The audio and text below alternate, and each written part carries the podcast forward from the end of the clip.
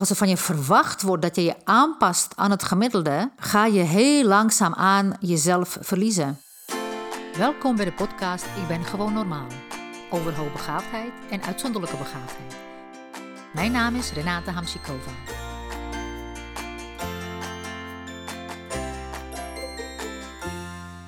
Goedemorgen en eh, welkom bij mijn podcast. Ik hoop dat er bij jou ook uh, het zonnetje zo prachtig schijnt en dat je net zo vrolijk bent als ik. Want ik heb er weer zin in. Uh, hoewel ik het vandaag wel wil hebben over een serieus onderwerp, namelijk angst uh, bij kinderen. Uh, ik krijg namelijk regelmatig vragen van ouders omdat ze een kind hebben dat dwangmatig gedrag laat zien. En dan maken de ouders zich zorgen omdat het zo ver kan gaan dat het bijna op smetvrees kan gaan lijken. Of dat het kind, of het nou jong, jonger kind is of tiener, uh, dingen wil opruimen of, of altijd iets op, op dezelfde plek wil hebben of op dezelfde manier dingen wil doen. En daar krijg ik regelmatig vragen over. Dus daar uh, zou ik het vandaag met je over willen hebben. Omdat ik merk dat dat hoogbegaafde kinderen en zeker uitzonderlijk begaafde kinderen toch regelmatig overkomt. Ook al lijkt het uh, misschien nu goed te gaan. Je kunt een periode hebben waarbij je ziet dat je kind angstig is. En dan gaat het weer beter. En dan en zo gaat het een beetje op en neer. Dus je zal er vroeg of laat uh, in meer of mindere mate mee te maken hebben. En als dat niet uh, bij je kind is, dan uh, wellicht bij, je, bij jezelf. Het gebeurt wel dat ook jongere of oudere kinderen bedoel ik, dus tieners, kinderen van 16, 17, 18 en jonge volwassenen, dwangmatig gedrag vertonen. En ouders hebben daar helemaal geen grip op en die tiener zelf ook niet. En de vraag is uh, natuurlijk hoe kom je er vanaf, maar het belangrijkste nog is uh, wat is de oorzaak daarvan? Want je kunt misschien denken aan een stoornis ik, uh, of, of, wat dan ook. En gewoon als je, als, je, als je een kind laat onderzoeken door een gewone psycholoog of een gesprek met de huisarts of wat dan ook, kan het zelfs zijn gedrag verdoezelen, omdat hoogbegaafde kinderen heel goed kunnen uh, praten vaak, hebben een grote woordenschat, kunnen zich heel goed uitdrukken. En kunnen dus ook heel veel met hun woorden doen alsof. En dat hebben ze sowieso al geleerd in de maatschappij waar ze moeten doen alsof. Hè, als ze bijvoorbeeld in een klas willen, uh, enigszins willen overleven. Dan, dus dat doen alsof is bijna hun tweede natuur geworden.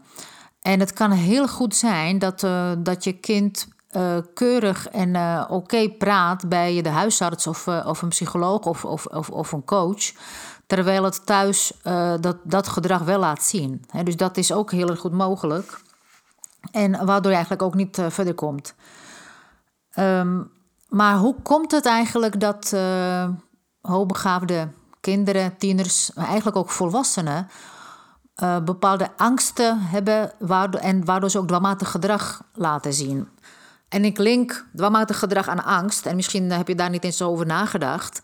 Maar er is een bepaalde uh, mate van angst die, die oké is. Hè? Dus je kunt wel bang zijn natuurlijk voor dat je aangereden wordt op weg of wat dan ook. Dus bepaalde ehm, hoeveelheid van angst is gezond. Laat ik zo zeggen. Omdat het je kan beschermen voor gevaren. En, en uh, dat, dat, dus dat je daarbij nadenkt dat je geen gekke dingen gaat doen.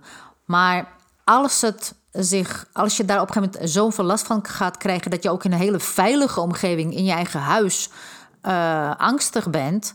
waardoor je niet kan slapen, dat je bij je ouders moet, moet slapen bijvoorbeeld... en waarbij je uh, nou ja, heel regelmatig ramen en deuren controleert en, en alle andere dingen. Dan is dat wel natuurlijk een probleem. Maar heb je daarover nagedacht waar het vandaan komt? Wat is de belevingswereld van je kind? Wat maakt je kind dagelijks mee? Hoe ziet je kind uh, zijn omgeving en de wereld en, en, en de mensen om, om hem heen? Want als je ervan uitgaat dat de gemiddeld, gemiddelde omgeving, dus met gemiddeld begaafde mensen, uh, dus dat zijn mensen die 90 tot 100 IQ hebben. Uh, dat is de meerderheid van mensen. Dus 9, uh, 95, 96, 97 procent van de mensen is gemiddeld begaafd. Dat is op zich oké, maar dat betekent dat je kind altijd anders is. En dat betekent dat je kind zich altijd tot, tot zijn omgeving anders verhoudt dan het gemiddelde. En als je vanaf heel kleins af vanaf jongs af aan, in feite gedwongen wordt, of als er van je verwacht wordt dat je je aanpast aan het gemiddelde, ga je heel langzaam aan jezelf verliezen. Je raakt versnipperd, je raakt uh, afgebrokkeld. Het, uh, je, je, innerlijke uh, ja, zijn, datgene wie je bent, dat verstop je, dat pas je aan, dat ontken je en je doet je anders voor. Omdat je uh, moet socializen, dat wordt van je verwacht, dat je socialize, dat je aanpast en dat je meedoet, omdat dat het verschil dat je, je ervaart niet uh, begrepen wordt door anderen, niet gezien wordt. Uh, omdat je dat zo goed kunt verstoppen. Omdat je sociaal vaardig bent en empathisch en extreem intelligent, dus je, je, je kan dat. En hele jonge kinderen doen vanaf, uh, vanaf, vanaf dat ze in groep komen, peuterspeelzaal, ook misschien bij een verjaardagsfeestje, ook met een zwemlesje, gaan ze zich aanpassen. Want zij willen het goed doen, ze willen bij de groep horen, ze willen bij de mensen horen, ze willen betrokken zijn. Van nature ben je namelijk betrokken bij het geheel, bij de natuur, bij dieren, bij, uh, bij je omgeving, bij mensen. Je bent extreem empathisch en betrokken. En als je niet geleerd wordt hoe je bij jezelf blijft, terwijl je wel ook betrokken bent, dan verlies je jezelf.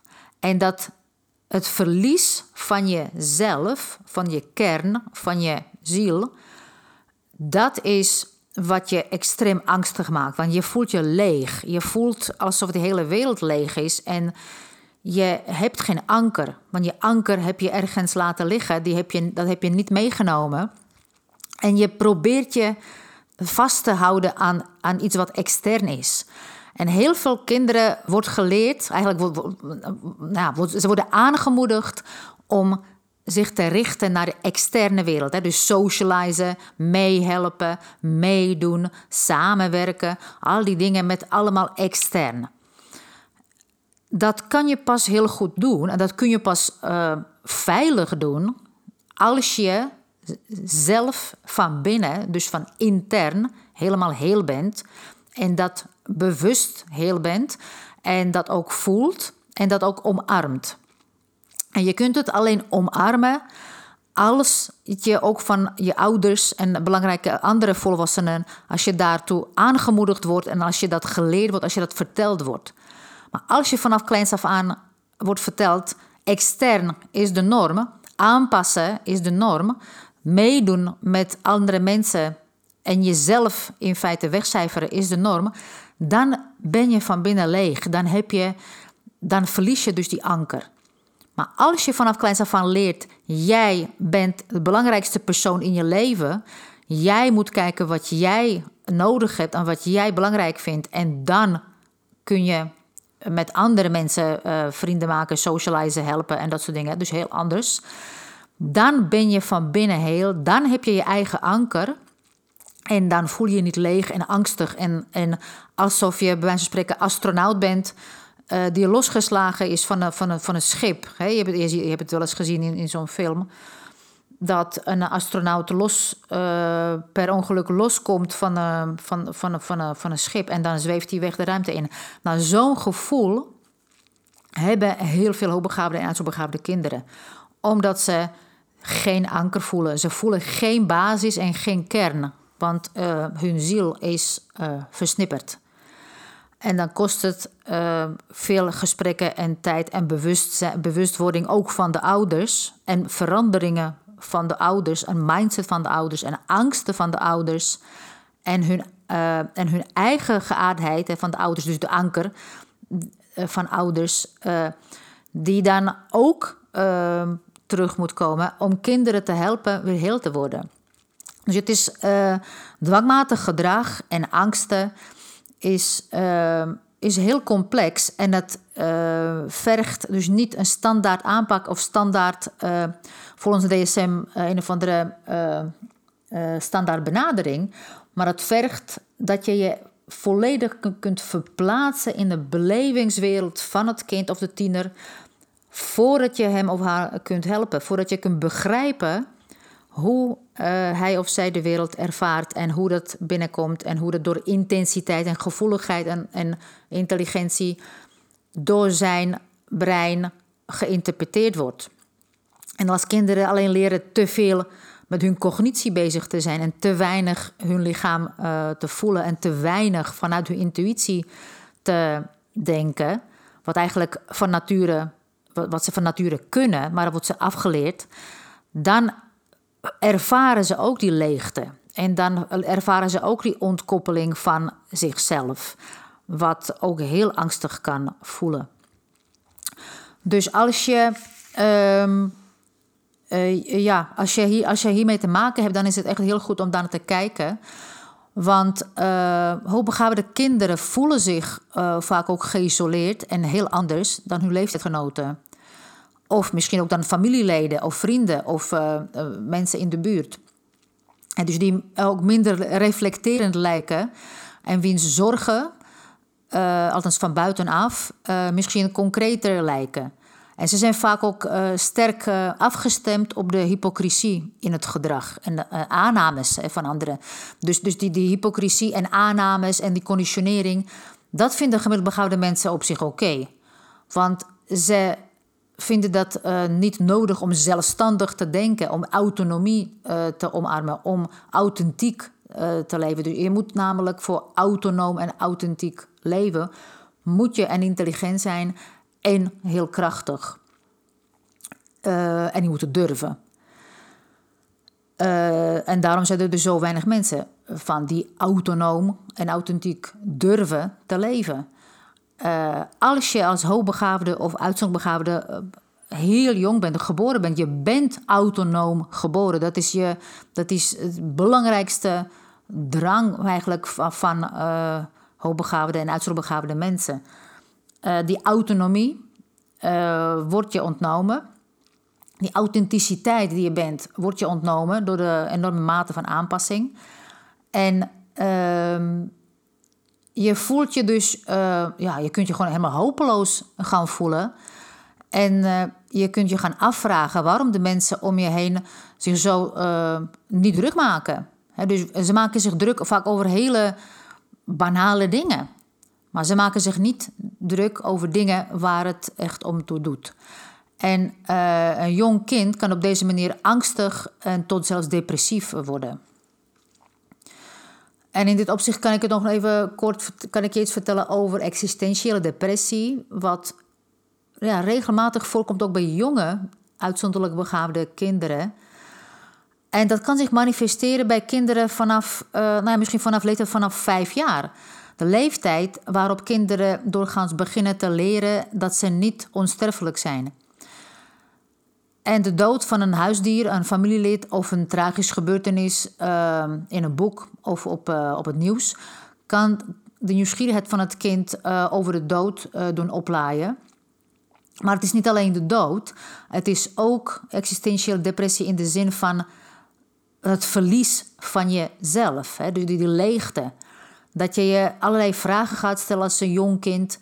Waarom pas ik niet in? Waarom zijn ze anders? Waarom vind ik het niet? waarom voel ik me zo? en, uh, en ik wil liever dood. Dat, zegt, dat, dat, dat, dat, kun, dat kan, een kindje, kan je kind dan gaan zeggen. En dus ook dat heeft. Uh, ook hiervoor is niet een standaard aanpak. Uh, van DSM of wat dan ook, een standaard aanpak uit een of andere boek of handleiding. Het is altijd een maatwerk en het is altijd uh, per persoon verschillend, namelijk hoe hun beleving is, hoe interpretatie van de omgeving is, hoe uh, hun in, sterk of groot hun intensiteit is en hoe hoog hun intelligentie is en wat ze daarmee doen. Um, en als je kijkt naar de symptomen van existentiële depressie, uh, dus net als alle andere vormen van depressie kunnen symptomen van depressief uh, variëren uh, in intensiteit en ernst. En als ik toch een bepaalde richtlijn moet noemen, dan kan ik een aantal tekenen of symptomen opnoemen. het gaat om een intense of obsessieve interesse in een grotere betekenis van leven en dood. Externe angst en verdriet over de algemene toestand van de wereld. Het geloof dat uh, oplossingen voor deze problemen onmogelijk of nutteloos zijn. Je losgekoppeld voelen, geïsoleerd en gescheiden van andere mensen. Het is heel erg belangrijk deze. Vermijden van andere kinderen omdat ze zich op een heel ander niveau bevinden en problemen zien die hun leeftijdgenoten niet merken. dat hebben uh, ook al jonge kinderen heel snel. Een gebrek aan motivatie om deel te nemen aan ooit plezierige activiteiten. En uh, gedachten aan zelfdoding. En dat hoeft niet zo te zijn dat je kind dat echt werkelijk wil gaan doen. Maar het is echt een teken van: ik voel me volledig hopeloos hier, help me. Um, en dan praten met een, met een huisarts kan, het kan enigszins verlichting geven natuurlijk. Maar op een gegeven moment willen kinderen en zeker tieners... en uitzonderlijk begaafde tieners um, helemaal... die willen op een gegeven moment vooruitgang voelen. Dus als je een soort een gesprekje hebt... en uh, uh, wat voor, het, voor de tiener nergens toe leidt... dan uh, kunnen, kan het zijn dat hij nog, nog hopelozer wordt dus dat, dat, dat, dan kun je het idee krijgen van... Uh, oh, deze mevrouw of meneer begrijpt me ook niet. wie dan wel? Dus het is ook heel belangrijk om als je hulp zoekt... mensen te zoeken die, die het begrijpen. Die het echt werkelijk begrijpen. Want hoogbegaafde en uitzonderbegaafde kinderen moeten van ons als ouders... van ons een kompas en een kaart krijgen... En ze hebben het nodig om veilig, weerbaar en zelfverzekerd door het leven te kunnen gaan. En ik praat er heel vaak over. Leer je kind zijn kompas gebruiken. Leer uh, hem of haar bij zichzelf te blijven en uh, eigen uh, sturing te geven aan, aan een leven. Hè. Dus niet, je kunt natuurlijk altijd van andere mensen leren, dat, dat is zo heel mooi. Maar als je daarnaast ook zelfstandig nadenkt en kijkt wat bij je past en wat jij wil, dat je niet 9 van de 10 keer iets doet wat volledig tegen je principes indruist. En dat je dus ook echt in balans bent wat dat betreft. Dat je weet, sommige dingen moet je doen, en, en, uh, maar de meeste moet, moet kun je kiezen. En dat je dus vanuit je autonomie leert leven met je eigen kompas. In het omgaan met angsten en met existentiële depressie moeten we ons realiseren dat uh, existentiële zorgen geen zaken zijn die slechts één keer besproken kunnen worden, maar waarschijnlijk een regelmatig uh, terugkomend onderwerp uh, zijn. Ja, kinderen hebben uitleg nodig over wie ze zijn, wat het betekent om hoogbegaafd te zijn. En ze hebben handvatten nodig hoe om te gaan met hun gevoelens en met het andere zijn. En aanpassing hierbij is geen optie. En dat, daar vertel ik zo vaak over. Die aanpassing is echt geen optie. Natuurlijk pas je je aan sociaal. Je gaat rustig zitten, je gaat in een restaurant op een bepaalde manier eten, je gaat gedag zeggen, uh, je gaat je op een bepaalde manier gedragen, zoals iedereen natuurlijk. Maar je aanpassen zodat aan de groep, zodat je volledig je eigen behoeftes negeert, dat is geen optie. En dat mogen we de kinderen niet leren. We moeten niet verwachten dat aanpassen de norm is. Dat, dat, dat moeten we niet meegeven. Um, jezelf zijn en vanuit jezelf uh, leven en je verhouden tot de omgeving, dat is de norm. Dus dat was even uh, nou ja, ander onderwerp dan uh, anders, maar toch ook heel erg belangrijk, omdat dwangmatig gedrag en dwangmatig perfectionisme en angsten hele belangrijke onderwerpen zijn. En die bij hoogbegaafde kinderen en zeker tieners regelmatig terugkomen. Als je vragen hebt, eh, mail me gerust. En reageer anders hier bij deze podcast. En ik eh, ga daarop uh, antwoorden geven. Als je vragen hebt, kun je me mailen op renata-iq.nl. Tot de volgende keer. Zorg goed voor jezelf en zorg goed voor elkaar.